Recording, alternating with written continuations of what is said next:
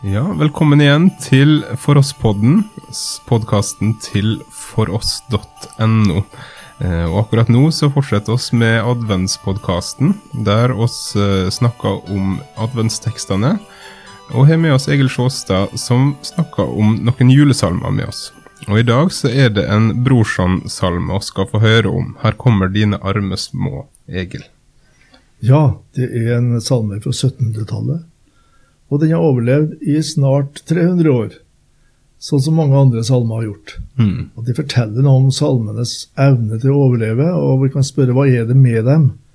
De som har overlevd, hva er det her som gjør det?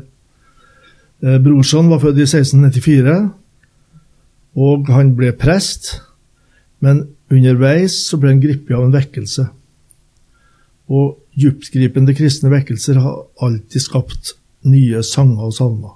Mm. Pietismen, som det het den vekkelsen her, da, som grep mange prestestudenter Ja. og ble forplanta ut i menighetene, eh, var en vekkelse med vekt på inderlig nært forhold til Gud, gudsfrykt i ens etiske liv, Mm. og et tett bønneliv og et nært forhold til sjølve evangeliet.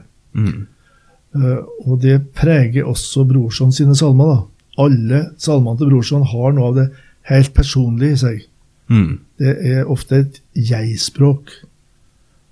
Guds sønn har gjort meg fri fra Satans tyranni. Mm. Men det er ikke noe avsvekking av det, det, det bakteppet for evangeliet. da. Mm. Tar Bibelen på alvor. Ja, og pietismen var vel også på en måte eh, andaktsbøkene i storhetstid, eller da på en måte andaktsbøker for alvor ble en vanlig del i det i mange norske heimer. Ja, Det kom inn pga. nettopp vekten på at nå er det personlig kristendom, Mm. og da vil det også prege livet rundt kjøkkenbordet. Ja. Så tett på ble det.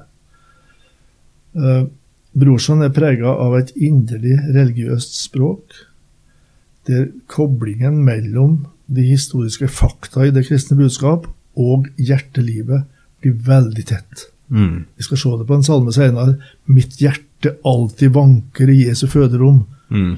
Altså Koblingen av mitt eget hjerte, altså Jesu føderom, det er egentlig paradoksalt at man snakker sånn. Ja. Men det er den religiøse erfaringen som kobler seg til. Historiske fakta kommer her og blir en viktig del, ja, en så viktig del av mitt liv at hele hjertelivet mitt tar farge av det. Det er det inderlige religiøse språket som han er farga av. Mye glede, men også spennvidden. Mm. Trengsel og kors. Ja. Korset ikke i betydningen Jesu kors, men i, byrder en kristen får Ja. å bære. da. Det var noen som kom og spor brorsan en gang hvorfor han kunne skrive så mye om kors. Altså frustrasjoner i kristenlivet. da. ja. Og så tok, han med, tok han dem med inn på et rom der en av sønnene satt. Og han var øh, psykisk syk, Mm. og det var ikke medisin. De måtte bare sperre han inne så han ikke ødela seg sjøl og andre. ja. Det var altså litt av skjebnen bak, Mm. også i det hverdagens brorsonske heim. ja. Det eksempelet jeg har tatt ut i dag, da, det 'her kommer dine arme små', som det het før, og det het mm. inntil det ble 'her kommer Jesus dine små'. Ja. Men så ble det jammen en reaksjon på det. altså Det var noen som ønska å få tilbake dine arme småver. Mm. Arme stakkarer. Vi er ikke ukjent med begrepet arm. Nei, altså ikke. Nei. Og da er det her et eksempel på identifikasjon til det historiske som går igjen i hele denne salmen. Mm. Her kommer, altså vi, vi som nå synger, vi kommer her nå. Du må opplyse oss så vi finner veien helt inn. Mm. Og vi løper, det er barna ikke sant, som Ja, ja, løper ja. etter, etter noe, et flott ideal litt stort. Vi løper det med sang imot, og kysser støvet for din fot til tilbedelsen. Mm. Det er vi, altså vi som lever i 1732, da, da han skrev denne salmen. Mm. Vi kommer her nå til han som kom. Og det er en salig stund og en søt natt da han ble født. Og så sier vi velkommen fra din himmelsal til denne verdens tålerdal. Mm. Men så får vi noen vers som er typisk for vekkelsen. Akk, Jesus, det er så få som vil tenke over den store, store kjærlighet som dro deg til vår jammer ned. Mm. Altså Vekkelsen har skapt et skille mellom de som virkelig tok kristendommen på alvor, Mm. og de som ikke brydde seg mer i at det var en kulturfenomen for dem. Ja, de tenker ikke over det, at det var en sånn kjærlighet som dro Gud til, til vår jord, og som han elsker også dem med. Mm. Og så sier han da som personlig bønn og dra oss til deg hen, du store, milde sjelevenn. Mm. Det er også vekkelsens språk. Ja.